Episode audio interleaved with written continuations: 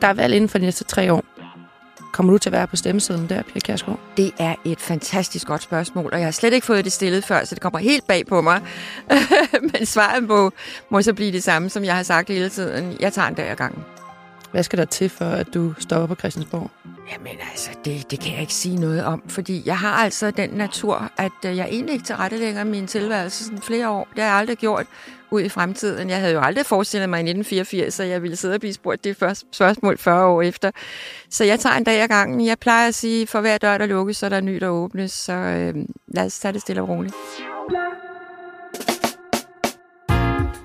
Røverhistorier, nyheder og interviews fra øverste hylde i dansk politik. En ekstrabladet podcast med Hans Engel og mig, Clara Vind. Pia Kærsgaard 40 år i dansk politik som politisk leder af Fremskridtspartiet, stifter og tidligere formand for Dansk Folkeparti, formand for Folketinget og nu blandt andet udlændinger og ældreordfører for DF. Velkommen her til Øverste Hylde med øh, Hans Engel og jeg, som er inde i studiet. Og øh, i dag skal vi selvfølgelig se på din karriere. Din største nederlag, de største sejre.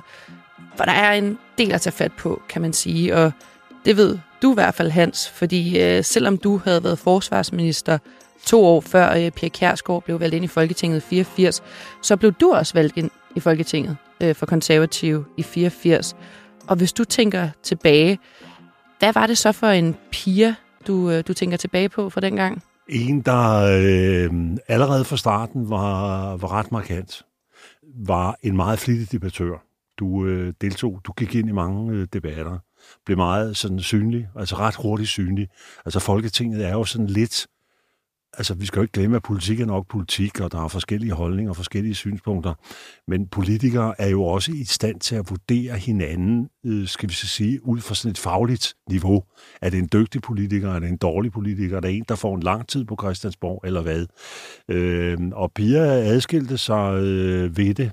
Hun var, øh, hun var hun var meget bisk, altså det vil sige, det var ikke sådan så, altså, Altså, hun gik ret hårdt til stålet, ikke? Og, og det gjorde hun. Det er faktisk først i de senere år, at piger sådan er blevet lidt mere, lidt mere blid i det, hvis man kan bruge det udtryk. For ellers så var det, altså, så blev krabasken jo svinget i, i, i de der debatter. Du var, som jeg husker det, også meget flittig til at stille spørgsmål. Du stillede rigtig mange spørgsmål, både til skriftlige og til mundtlige øh, besvarelse. Så altså, jo, altså man lagde Pia Kjærsgaard blev der lagt øh, øh, mærke til. Og jeg kan huske, fordi Slytter var jo statsminister de år, og han var meget, han fulgte faktisk ret meget med i, hvad der skete i Folketinget. Han var ikke en statsminister, der sad bare over i statsministeriet. Han, han var ret levende interesseret i Folketinget og holdt meget af Folketinget. Var selv blevet valgt i 64. Og jeg kan huske på et ret tidligt tidspunkt, der sagde han, at hende der fra Fremskridspartiet, hun bliver til noget. Altså, der kommer til at ske noget der, ikke?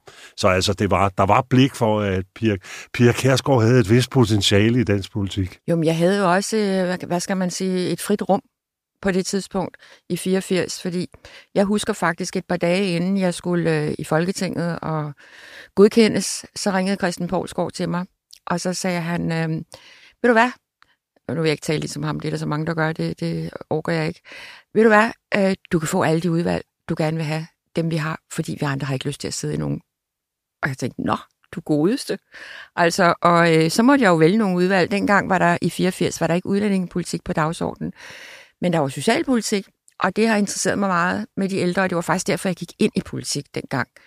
Men sådan er det jo gået. Jeg har jo haft meget stort rum, og også det der, jeg stillede spørgsmål. Ja, på flere år var jeg det, man kalder Folketingets spørgehjørne, og altså den, der stillede flest spørgsmål, og det er sådan meget nedladende.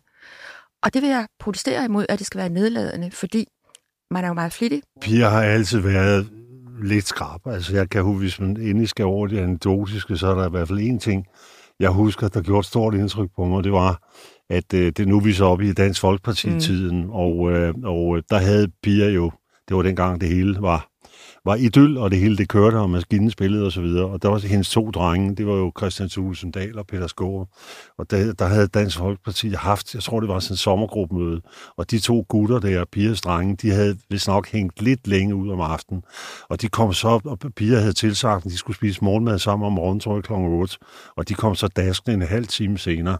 Så det fik de jo så en ordentlig balle for. Men det, der var værre, var, at de, havde, de to havde nu synes det var meget, meget smart, det der ikke at lade sig barberer, sådan at lade skægstubene stå, sådan, så de lignede sådan et par rå gutter, ikke? Og da de så kommer ned, så kigger piger på dem, og så siger hun, det der, det kan I altså godt tage væk med det samme. I viser her ikke i fjernsynet med de der skægstube. Så spurgte jeg Peter Strohrup et stykke tid senere, fordi jeg kan godt afsløre, at det var sådan set var ham, der fortalte mig, at det, så siger hvad, hvad gjorde I så? Så sagde han, ja, Christian er jo sådan lidt af en tøsdreng. Så han gik jo op og barberede sig med det samme. Jamen, hvad så med dig? Ej, jeg lod det stå et par uger, inden jeg fjernede det. Så så meget, så altså, det, så det, piger var, havde jo fuldstændig hvordan og var sure, og jeg, jeg har da oplevet en gang til, jeg var inviteret som taler til, til et møde, Dansk Folkeparti havde, havde lavet, hvor der var, og det var fint møde, det var over på et, et gods og så videre, og der var en af, en af tillidsfolkene, der sådan mødte op i bukser og sådan en, en eller anden t-shirt, der lignede så ud, som om man skulle ud og reparere sin bil, ikke? Og så kaldte Pia partisekretæren ind og sagde, du kan godt sige til ham, så, sådan gider jeg ikke at se ham. Sådan skal han ikke se ud til vores møder. så Pia har haft alt, altså lige fra hvad der hængt på væggen, og hvad der blev stillet ja. musik, og ja. om de havde for lange skæg og så videre. Ja. Så, så Eller du, du har altid elskes. været rimelig skrab. Ja, men det, jeg synes, det har været nødvendigt, fordi jeg har jo sådan set været med i opbyg- opbygningen, kan man godt sige, af Fremskridspartiet, selvom det var, men også af Dansk Folkeparti. Og jeg har altid ment, at djævlen lå i detaljen. Øh, og det er vigtigt, at folk ser ordentligt ud. Det synes jeg, altså, øh, der er og det er der nu stadigvæk nogen, der, der godt lige kunne tage sig selv i nakken sådan ude omkring. Og jeg har også, jamen, det er bare, det ved, fordi det har Liselotte Blik selv fortalt i adskillige podcast, at øh, jeg har sagt til hende, da hun kom ind, altså den der nederdel, det er så nogen, de går med over i Skelbæk. Jeg gider du godt gøre den lidt længere, og øh, de der tatoveringer, kunne du ikke skjule dem lidt, og sådan noget. Og, og det har jeg, og det har været en god mening, men jeg har også sagt, du ser smadret godt ud, når du har sat håret op i dag. Altså, jeg har virkelig sådan, virkelig begge dele. Har du været for streng på noget tidspunkt, Nej. hvor du selv har tænkt, her gik Pia lige over stregen? Nej, det mener jeg faktisk ikke. Og jeg vil sige, det der øh, møde, som Hans nævner, det var faktisk ret katastrofalt, fordi vi skulle holde pressemøde på det sommergruppemøde øh, om eftermiddagen, og vi skulle ved morgenmaden, skulle vi fortælle hinanden eller tale om det her pressemøde. Og så sidder jeg der helt alene, fuldstændig forladt, og tænker, hvad sker der for dem? Og så møder de op sådan klatter øh, og blege, og jeg ved ikke hvad. Øh, og, og, og jeg vil næsten sige, fordi det var et forfærdeligt sommergruppemøde, fordi det var på det tidspunkt, hvor vi havde hele, øh, hvad hedder det, sagen, jeg tror det var Maastricht. Vi havde i hvert fald en meget højprofileret sag. Jeg kan ikke lige huske, om det var den. Men hvor Anders Fogh var i Frankrig. Nej, det var en udlændingesag. Kan du huske, hvad det var? Nej, jeg kan nej. dårligt huske det, men det nej. var en meget højprofileret sag i pressen og hvor vi havde meget med den at gøre, hvad vi egentlig skulle stille op. Og det, at de ikke kom om morgenen, og det, at jeg ikke kunne få fat på Anders Fogh, fordi han sad på ferie i Frankrig, og det, at journalisterne pressede mig, gjorde faktisk, at jeg fik et ildebefindende på det der pressemøde, hvilket var ualmindeligt forfærdeligt, fordi hvis der er noget, man ikke har lyst til, mener jeg, som politiker, så er det at skilte alt for meget med, at man faktisk har fået et ildebefindende. Jeg måtte jo gå og komme på hospitalet, jeg ved ikke hvad. Jeg tror faktisk, at det spillede lidt ind på mit temperament, hvor jeg følte mig så fortvivlet over det hele, og lidt alene og forladt. Så jeg, så jeg simpelthen, jamen jeg fik virkelig, virkelig et alvorligt ildebefindende. Hvis vi nu lige skal gå, gå lidt mere mod de, de gladere tider, fordi mm. øh, dengang jeg lavede morgenradio, der havde vi en fast øh, morgentradition med, at før vi sendte radio, så hørte vi altid jeres øh, valgsang fra 2011, herfra Min Verden går, som jo virkelig, øh, i hvert fald for mig, er det her billede på, hvor godt I havde mm. det. Kæmpe for det, som vi tror på.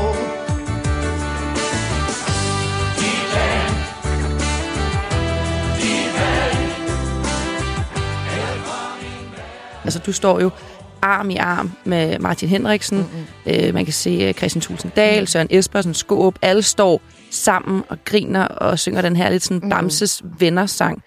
Øhm, og, og det var jo, selvom det ikke var verdens bedste valg for jer, så kan man sige, sidenhen øh, kom så 2015, som jo virkelig kan du i hvert fald huske, tænker ja. jeg, Hans, var, var året, hvor det battede, mm. altså I blev det altså, største altså, borgerlige var, parti. Jeg tror, det, det, det 11, der var det 22 mandater, ikke? og så var det mm. i, øh, i 15, der, der sprang jeg til 37 ja, mandater. Ikke?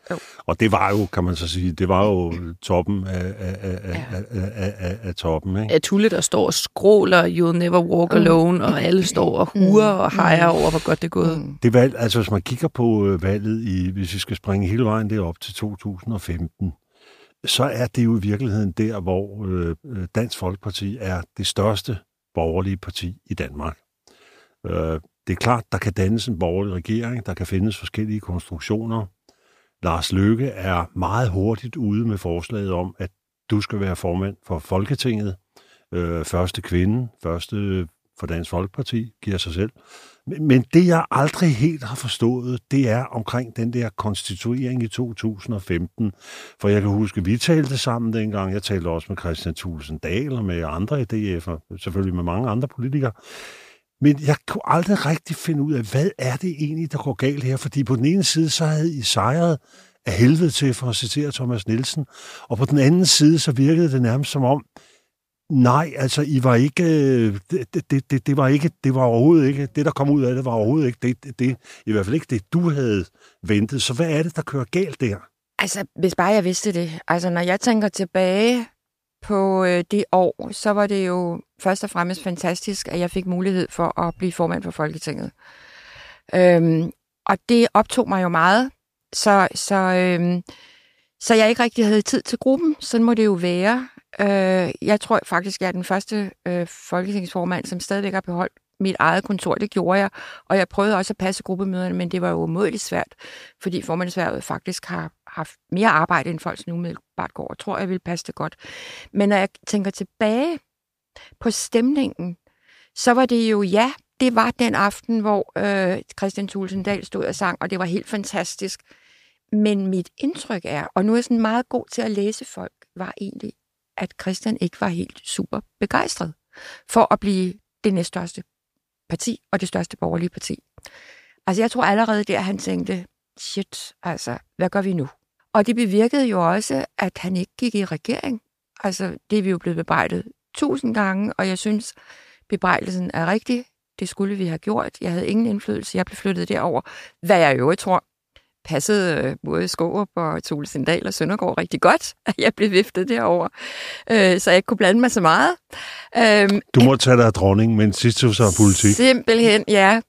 Øh, men, øh, men det var, og vi er blevet det bebrejdet, og jeg bliver specielt i den her tid, hvor ligesom her man tænker, tænker tilbage, og nu 40 år, hvorfor gjorde I det ikke?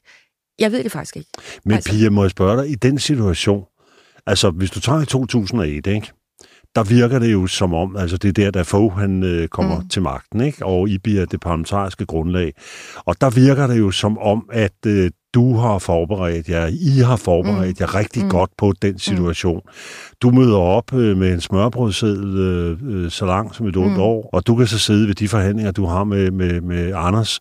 Der kan du sådan set sidde og krydse af punkt for punkt, mm. at her er han klar til at bevæge sig videre. Mm. Altså, I har en strategi ja. for, hvad I vil, ja. ikke? I vil ikke i regering, men I vil være parlamentarisk mm. grundlag, ja. og I stiller en række betingelser. Ja. Hvorfor har I ikke i 2015, hvor I har mange flere års erfaring, ja. og så videre, altså hvorfor har I egentlig ikke en strategi for, hvordan håndterer vi situationen, hvis der kommer et blot flertal, og I kan se, ja. at I bliver et stort ja. parti? Jeg ved det simpelthen ikke, øh, og øh, det lyder selvfølgelig svagt, men sådan var det nu. At sige, at jeg var mere eller mindre uden for indflydelse på det tidspunkt. Det var jeg virkelig. Altså Christian ønskede ikke, at jeg skulle ind. Jeg ville, og det var jo egentlig også det, der gik galt. Fordi jeg ved udmærket godt, at en ekspartiformand ikke skal gå ind og blande sig alt for meget. Men jeg var da ærgerlig over, at øh, man ikke øh, havde trods alt erfaring fra mange ting, og jeg ville jo bare det bedste. Men jeg blev ikke inddraget i noget som helst. Det gjorde jeg ikke, og jeg tror egentlig, det var det, der gik galt til sidst. Øh, Ringede men, du aldrig til, til dem og sagde, synes du, det var en god idé, at vi gik med i den regering? Nej, det gjorde jeg ikke, fordi det var på et tidspunkt, og, og sådan er det jo lige efter et valg, alt er op at køre. Altså, det var meget hektisk, øh, og de blev kaldt over lynhurtigt, øh, og... Øh, og, og kom så bare tilbage. Men jeg tror, det var forberedt. De ville ikke, eller Christian ville ikke i regeringen. Lur mig, om ikke godt Peter Skåb ville. Det tror jeg gerne, han ville. Men jeg tror ikke, han havde så meget at skulle have sagt over for, for Christian Tulsendal. Christian ville ikke. Øhm, han ville ikke tage det ansvar. Jeg tror, det er det, der er, er sagen. Men det lyder jo også lidt, fordi som vi snakker om, det er jo der, det hele roden til, det begynder at gå ja, galt. det er det. Men, men det lyder jo også, som om du frelægger dig selv altså ansvaret for... Jamen, hvad skal jeg gøre? Altså, når ikke man vil høre på, hvad jeg siger, for det havde man ikke særlig meget lyst til. Jeg ønsker ikke at frelægge mig ansvar, for jeg har taget ansvar hele mit politiske liv, øh, og gør det for så vidt også i dag. Men, men, øh, men det er jo svært, når man, man, man vandrer lidt på sådan et et skolde, skoldende et eller andet, mm. fordi man vil helst heller ikke lave forstyrrelser. I, nu er de alle sammen så glade, og hurra, 37 mandater, og så kommer netop mor ind og siger, nu skal I gøre sådan og sådan. Altså, det var jo på tide, de kunne finde ud af det selv. Pia, det, det der mantra, altså, I har brugt det, altså når jeg siger I, så er det forskellige øh, DF'er har, brugt det der, og der, og der er også andre partier, der bruger det der med, at øh, vi vil ikke i regeringen, vi vil hellere være udenfor, fordi mm. man kan få meget større indflydelse ja, ved at være uden for regeringen. Ja. Er du enig i, Nej. at den holder ikke? Nej, den holder ikke. Den holder ikke. ikke. Man det er har indflydelsen i regeringen. Man har man enormt har... indflydelse ja. i en regering. Enormt indflydelse. Altså, jeg behøver ikke nævne det, men for folk, der ikke sådan lige... Altså, det man kalder initiativretten, det er en regering, en minister, der fremlægger lovforslagene, skal helst have flertal for dem. Øhm, det er, man, du kan komme i medierne, når du vil, med dine budskaber.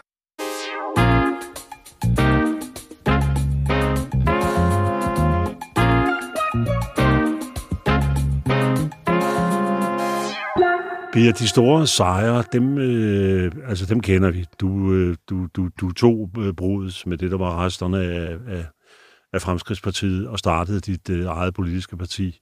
Og jeg kan tydeligt huske, det kan jeg lige så godt tilstå, fordi der findes så mange tv-klip af det, at jeg var en af dem, der skulle bedømme fremtidsudsigterne for Dansk Folkeparti. Og der findes nogle vidunderlige klip, hvor jeg står og siger, ej, det, det, det lukker og slukker i løbet af kort tid.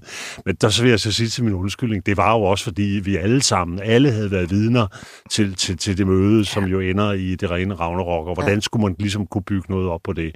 Men det lykkedes, og det var selvfølgelig din sejr, at du fik bygget et parti op, og i, i noget at blive det største første i Danmark osv., så, videre, så kender vi jo hele historien bagefter og opgøret, og at der er kommet nye partier til osv. Men hvis du skal prøve sådan lige at kigge de næste år frem, altså nu ser det ud som om Dansk Folkeparti under Morten Messersmiths ledelse øh, er, er kommet øh, et godt stykke fra, fra spærregrænsen. Partiet overlever, partiet udvikler sig, kører videre. Men altså i det marked, vi har i dag med nye partier, og, og en, en, på udlændingområdet, som I jo satte som den store dagsorden, der må man jo sige, der er det jo det er næsten svært at overhale Socialdemokratiet indenom. Ikke? Altså, hvordan, hvis du sådan skal prøve kort at beskrive dansk, øh, Dansk Folkepartis fremtid de kommende år, hvordan ser du egentlig den? Altså, jeg har, er faktisk fuld af positiv forhåbning, øhm, og jeg synes, jeg har noget at have det i. Fordi øh, vi har altså en dagsorden, som ikke helt øh, matcher trods alt øh, de andres udlændingepolitiske dagsorden. Altså jeg må sige, hele spørgsmålet, jeg har faktisk lige sms'et med, med Morten om det her til morgen, hele spørgsmålet om konventioner, det er vi nødt til at tage op. Det er vi simpelthen nødt til. Vi bliver bumpet den ene gang efter den anden i Folketingssalen med, at vi kan ikke det ene og ikke det andet. Det seneste er piraten, den etbenede pirat, som vi sand for døden tager til Danmark, efter han har skudt på, på danske folk for at dræbe dem. Vi tager ham til Danmark, vi giver ham protese, vi passer ham. Nu har han fået opholdstilladelse. Det er jo så langt ud. Vi kan bare ikke sende ham ud på grund af ja, Jeg nævner det bare som eksempel på grund af konventionerne, og det er der masser af. Der er vi altså nødt til at gå længere. Så er der velfærdspolitikken, øh, som øh, er utrolig vigtig, øh, og hvor nu skal vi diskutere ældrelov. Jeg er spændt på, hvor den lander. Men, øh, og så synes jeg, at vi har en god gruppe, der markerer sig godt, hvor jeg faktisk synes, at andre partier, når jeg kigger på dem, hvad er det for nogle personer? Altså er de stærke personer? Er de nogen, der markerer sig? Inger Støjberg og Skåb. Og der, der, synes du, at Skåb markerer sig særlig godt? Jeg Nå, synes, men det er jo folk, man kender. Bleg.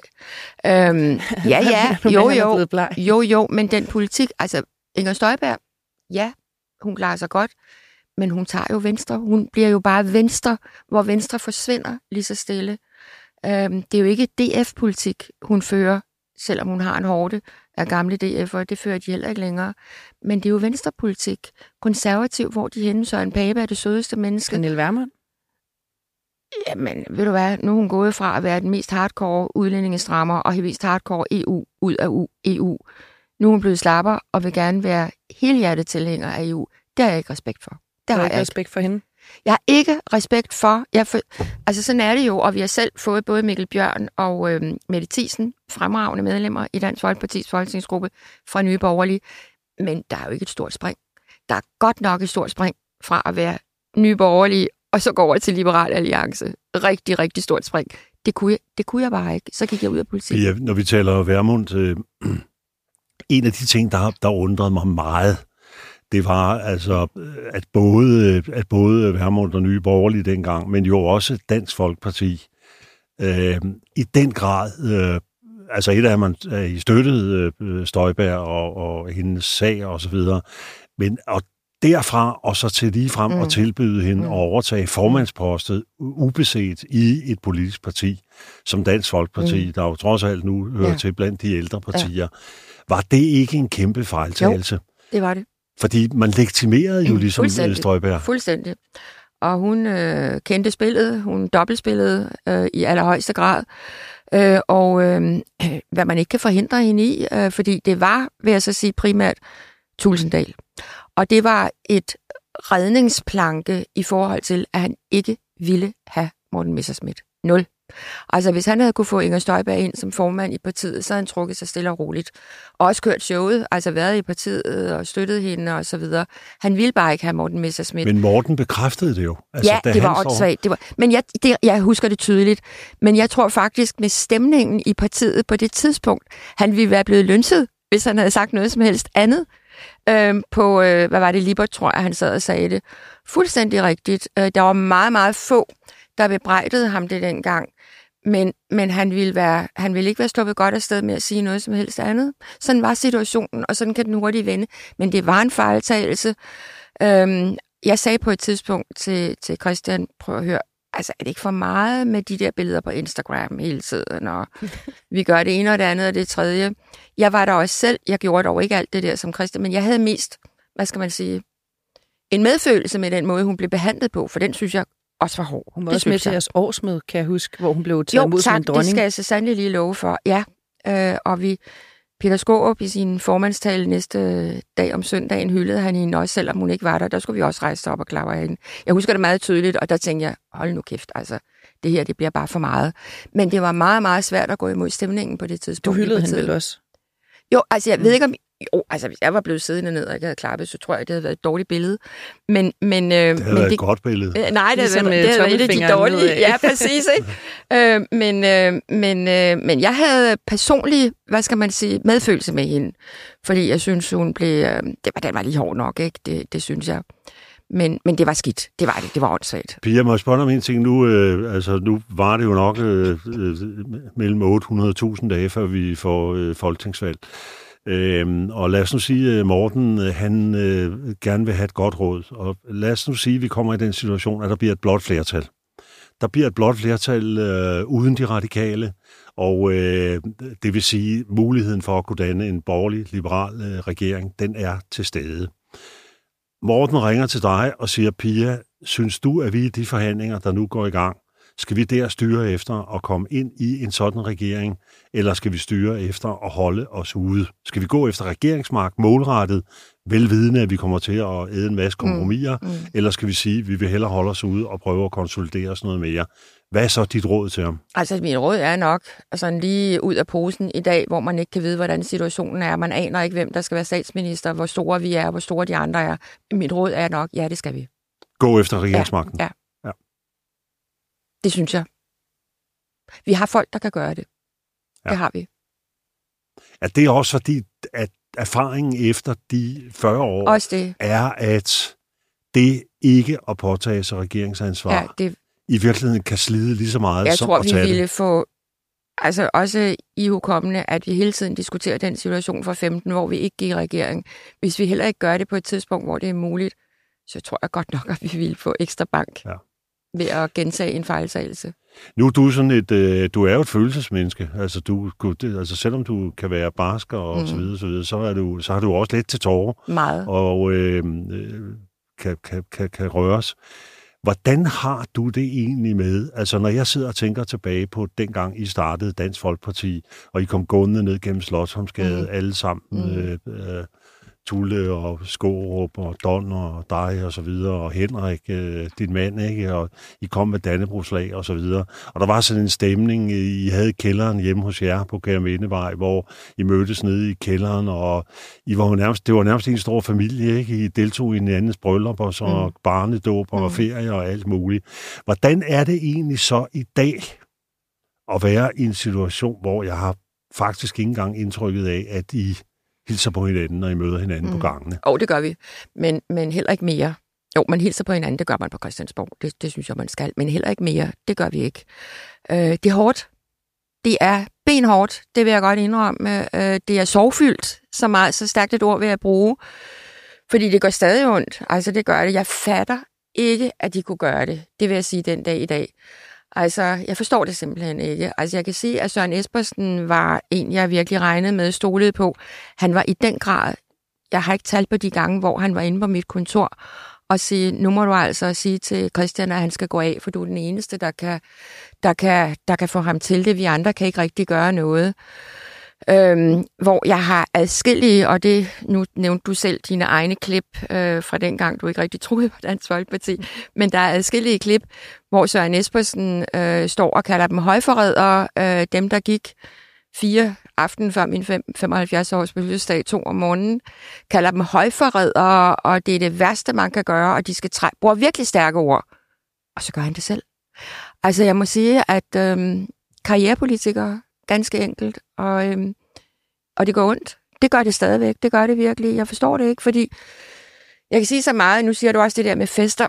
ja, vi deltog i hinandens fester. Jeg vil sige, Henrik som mit guldbryllup for efterhånden 6-7 år siden, var faktisk den bedste dag i vores liv. Det var fantastisk hele vejen igennem. Solskin om morgenen og god stemning, og det hele var, som det skulle være. Og vi blev jo velsignet øh, i Hellerup Kirke, øh, og det var fantastisk. Og alle var med. Alle var med. Alle var glade. Hele partiet var med. Og der må jeg indrømme, øh, der har jeg sådan en fin bog fra den dag. Jeg kan faktisk ikke rigtig holde ud og kigge på den, fordi der står vi alle sammen glade, i god stemning, og er hinandens bedste venner.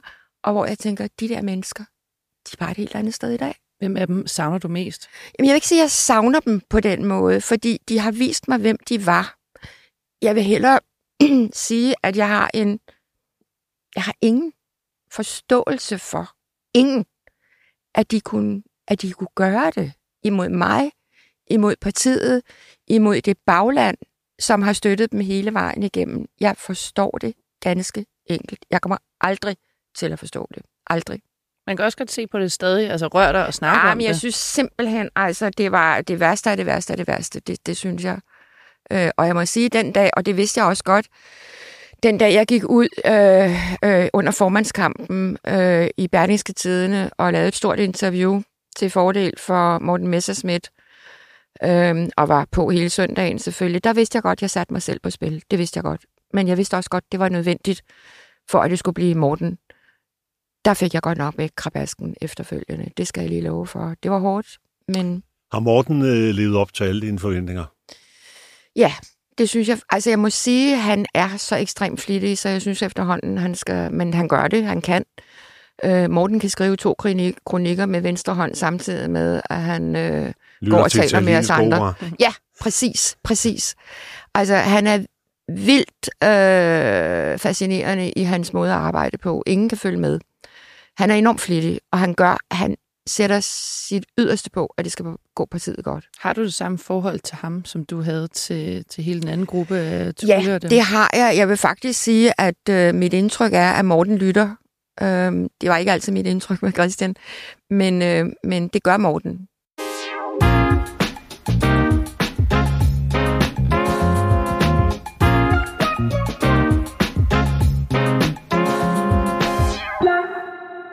Hvis du kigger på øh, Folketinget i dag, og nu har du jo haft lejlighed til det som siddende oppe i det høje sæde med, med formandsklokken og det hele, men noget af det, der har slået mig meget gennem de seneste år, det er, det store antal af, af unge og yngre folketingsmedlemmer, som går ned med, med stress. Jeg har ingen erindring om, der kunne være mange andre problemer, folk havde tilbage i årene, men jeg, havde altså, jeg har ingen problemer, eller ingen erindring om, at, at folketingsmedlemmer i det omfang Nej. for 40 år siden, Nej. eller for 30 år siden for den sags skyld, gik ned med stress. Nej. Altså, hvad er din analyse af, at vi pludselig øh, oplever generation efter generation efter generation, som, øh, som, hvor der ikke er en, der går ned med stress, og så pludselig så har vi folketingssamlinger, hvor det er 1, 2, 3, 4, 5, som øh, må sygemeldes på grund af stress.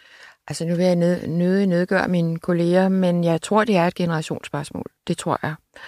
Øhm, og selvfølgelig er der folk, der virkelig får stress. Altså jeg har selv mødt et par, par stykker af dem, og det har været meget, meget alvorligt, hvor de bare sidder fuldstændig altså, ja, uden så som om de ikke tænkte en tanke. Øh, jeg tror, det er et generationsspørgsmål, og folk er, efter min mening, for unge i dag. Pudsigt nok, så, øh, så øh, jeg blev valgt som 37-årig. Men der blev jeg betragtet som værende meget, meget ung. Altså aldersgrænsen har jo ændret sig helt vildt. Så jeg faktisk kigget i går, det ved du også, øh, øh, Hans Claus Bernsen, som havde siddet der i 51 år. Ja. Og han Med en pause indimellem. Præcis. Altså, jeg kunne ikke rigtig finde ud af, hvornår han egentlig var blevet valgt, men han må jo være blevet valgt ja. dengang som meget ung, fordi ellers skulle han jo ikke have siddet der netop så mange år og med en pause. Men ellers, ellers var aldersgennemsnittet jo meget, meget højere, end det er i dag. Og man skal nok have været lidt ude i livet. Man skal nok have draget nogle erfaringer, før man er helt rustet til at sidde i Folketinget. Men der er jo også, altså jeg vil da ærligt indrømme, da vi havde den turbulens for halvandet mm. år siden, to år siden i, i Dansk Folkeparti, for at være helt ærlig, jeg måtte, jeg måtte klamre mig til bordet. Det kan jeg godt være så ærlig at sige. Og hvis der var nogen, tror jeg, der godt kunne være gået ned med stress på det tidspunkt, det kunne jeg godt være. Men, men jeg tænkte, de skal fandme ikke få mig, altså. Øh, det gør jeg bare ikke. Jeg gør det bare ikke. Pia, de sociale medier er jo noget, der er kommet til. Meget. Ikke? Altså, du har haft medier i hele perioden, og aviser, og du har haft Ekstrabladet, har hele tiden været på nakken af politikerne, øh, og så videre. Det, alt det der, det, det ved men de sociale medier er jo ja. kommet til som en meget, meget, meget stor og meget ja. stærk øh, faktor. Ja. Hvilken rolle, altså, er det ikke, jeg, jeg kan huske, øh, vi har talt om det tidligere, Øh, jeg tror også, jeg interviewet over, at du som folketingsformand, så var du død irriteret, ja. når du sad i formandstolen ja. og kiggede ud over salen, og de sad alle sammen med deres ja. iPods og ja. iPhones og ej det ene og andet og tredje ja. og fjerde. Ikke? Altså, mit indtryk er, at det i høj grad er en øh, stressfremkaldende det det. faktor. Det er en enormt stressfremkaldende faktor, fordi Altså, det bliver jo forsvaret med, at ja, ja, men vi sidder og følger med, og der er nogen, der sender os gode råd i forhold til debatten. Og i gamle dage sad man med aviser, og det er jo også rigtigt, det ved du også. Man hentede ude fra, fra sidelokal læsestuen, hentede man aviser ind og fordybede sig i dem. Men jeg tror alligevel, det var mere, altså det var mere simpelt dengang. Og så kan man da også, jeg kan da selv mærke det, de der sociale medier, ikke alene det der med, at man skal kigge på dem, men de skal jo også plejes. Altså det er jo også det. Det gør man jo også som politiker. Man får jo mails, der bare stryger ind hele tiden. Man får sms'er, der bare stryger ind hele tiden. Henrik sagde faktisk til mig her for nogle dage siden, fordi jeg havde arrangeret, at vi skulle ud en eller anden aften. Så siger han, øh, helt ærligt, det vil jeg selvfølgelig gerne, men jeg ved det ikke før en time, inden vi skal gå. Kunne du ikke lige, når du arrangerer sådan noget, sende mig en sms, om jeg også er klar? Hmm. Siger, det kan jeg bare ikke. Der er så meget, der ryger ind på denne her telefon.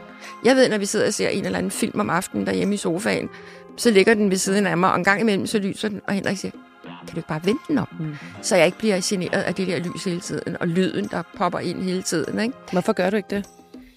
Fordi jeg er bange for, hvis, øhm, hvis jeg gør det om to timer, at så er der så meget, som jeg simpelthen ikke kan nå at svare på.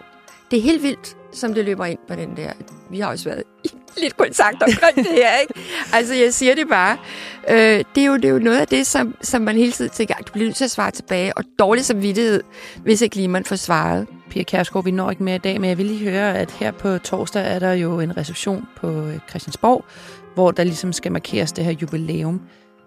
Kommer du til at meddele noget om øh, din fremtid i nej. politik der? Nej, nej, nej. Hvorfor skulle jeg det? Det er da ikke det, der skal der en overskrift, og der bliver masser af overskrifter. Med hyldes går jeg ud fra på torsdag, så jeg skal ikke ændre overskrifterne. Det er i orden. Tak fordi du var med. Selv tak. Blah.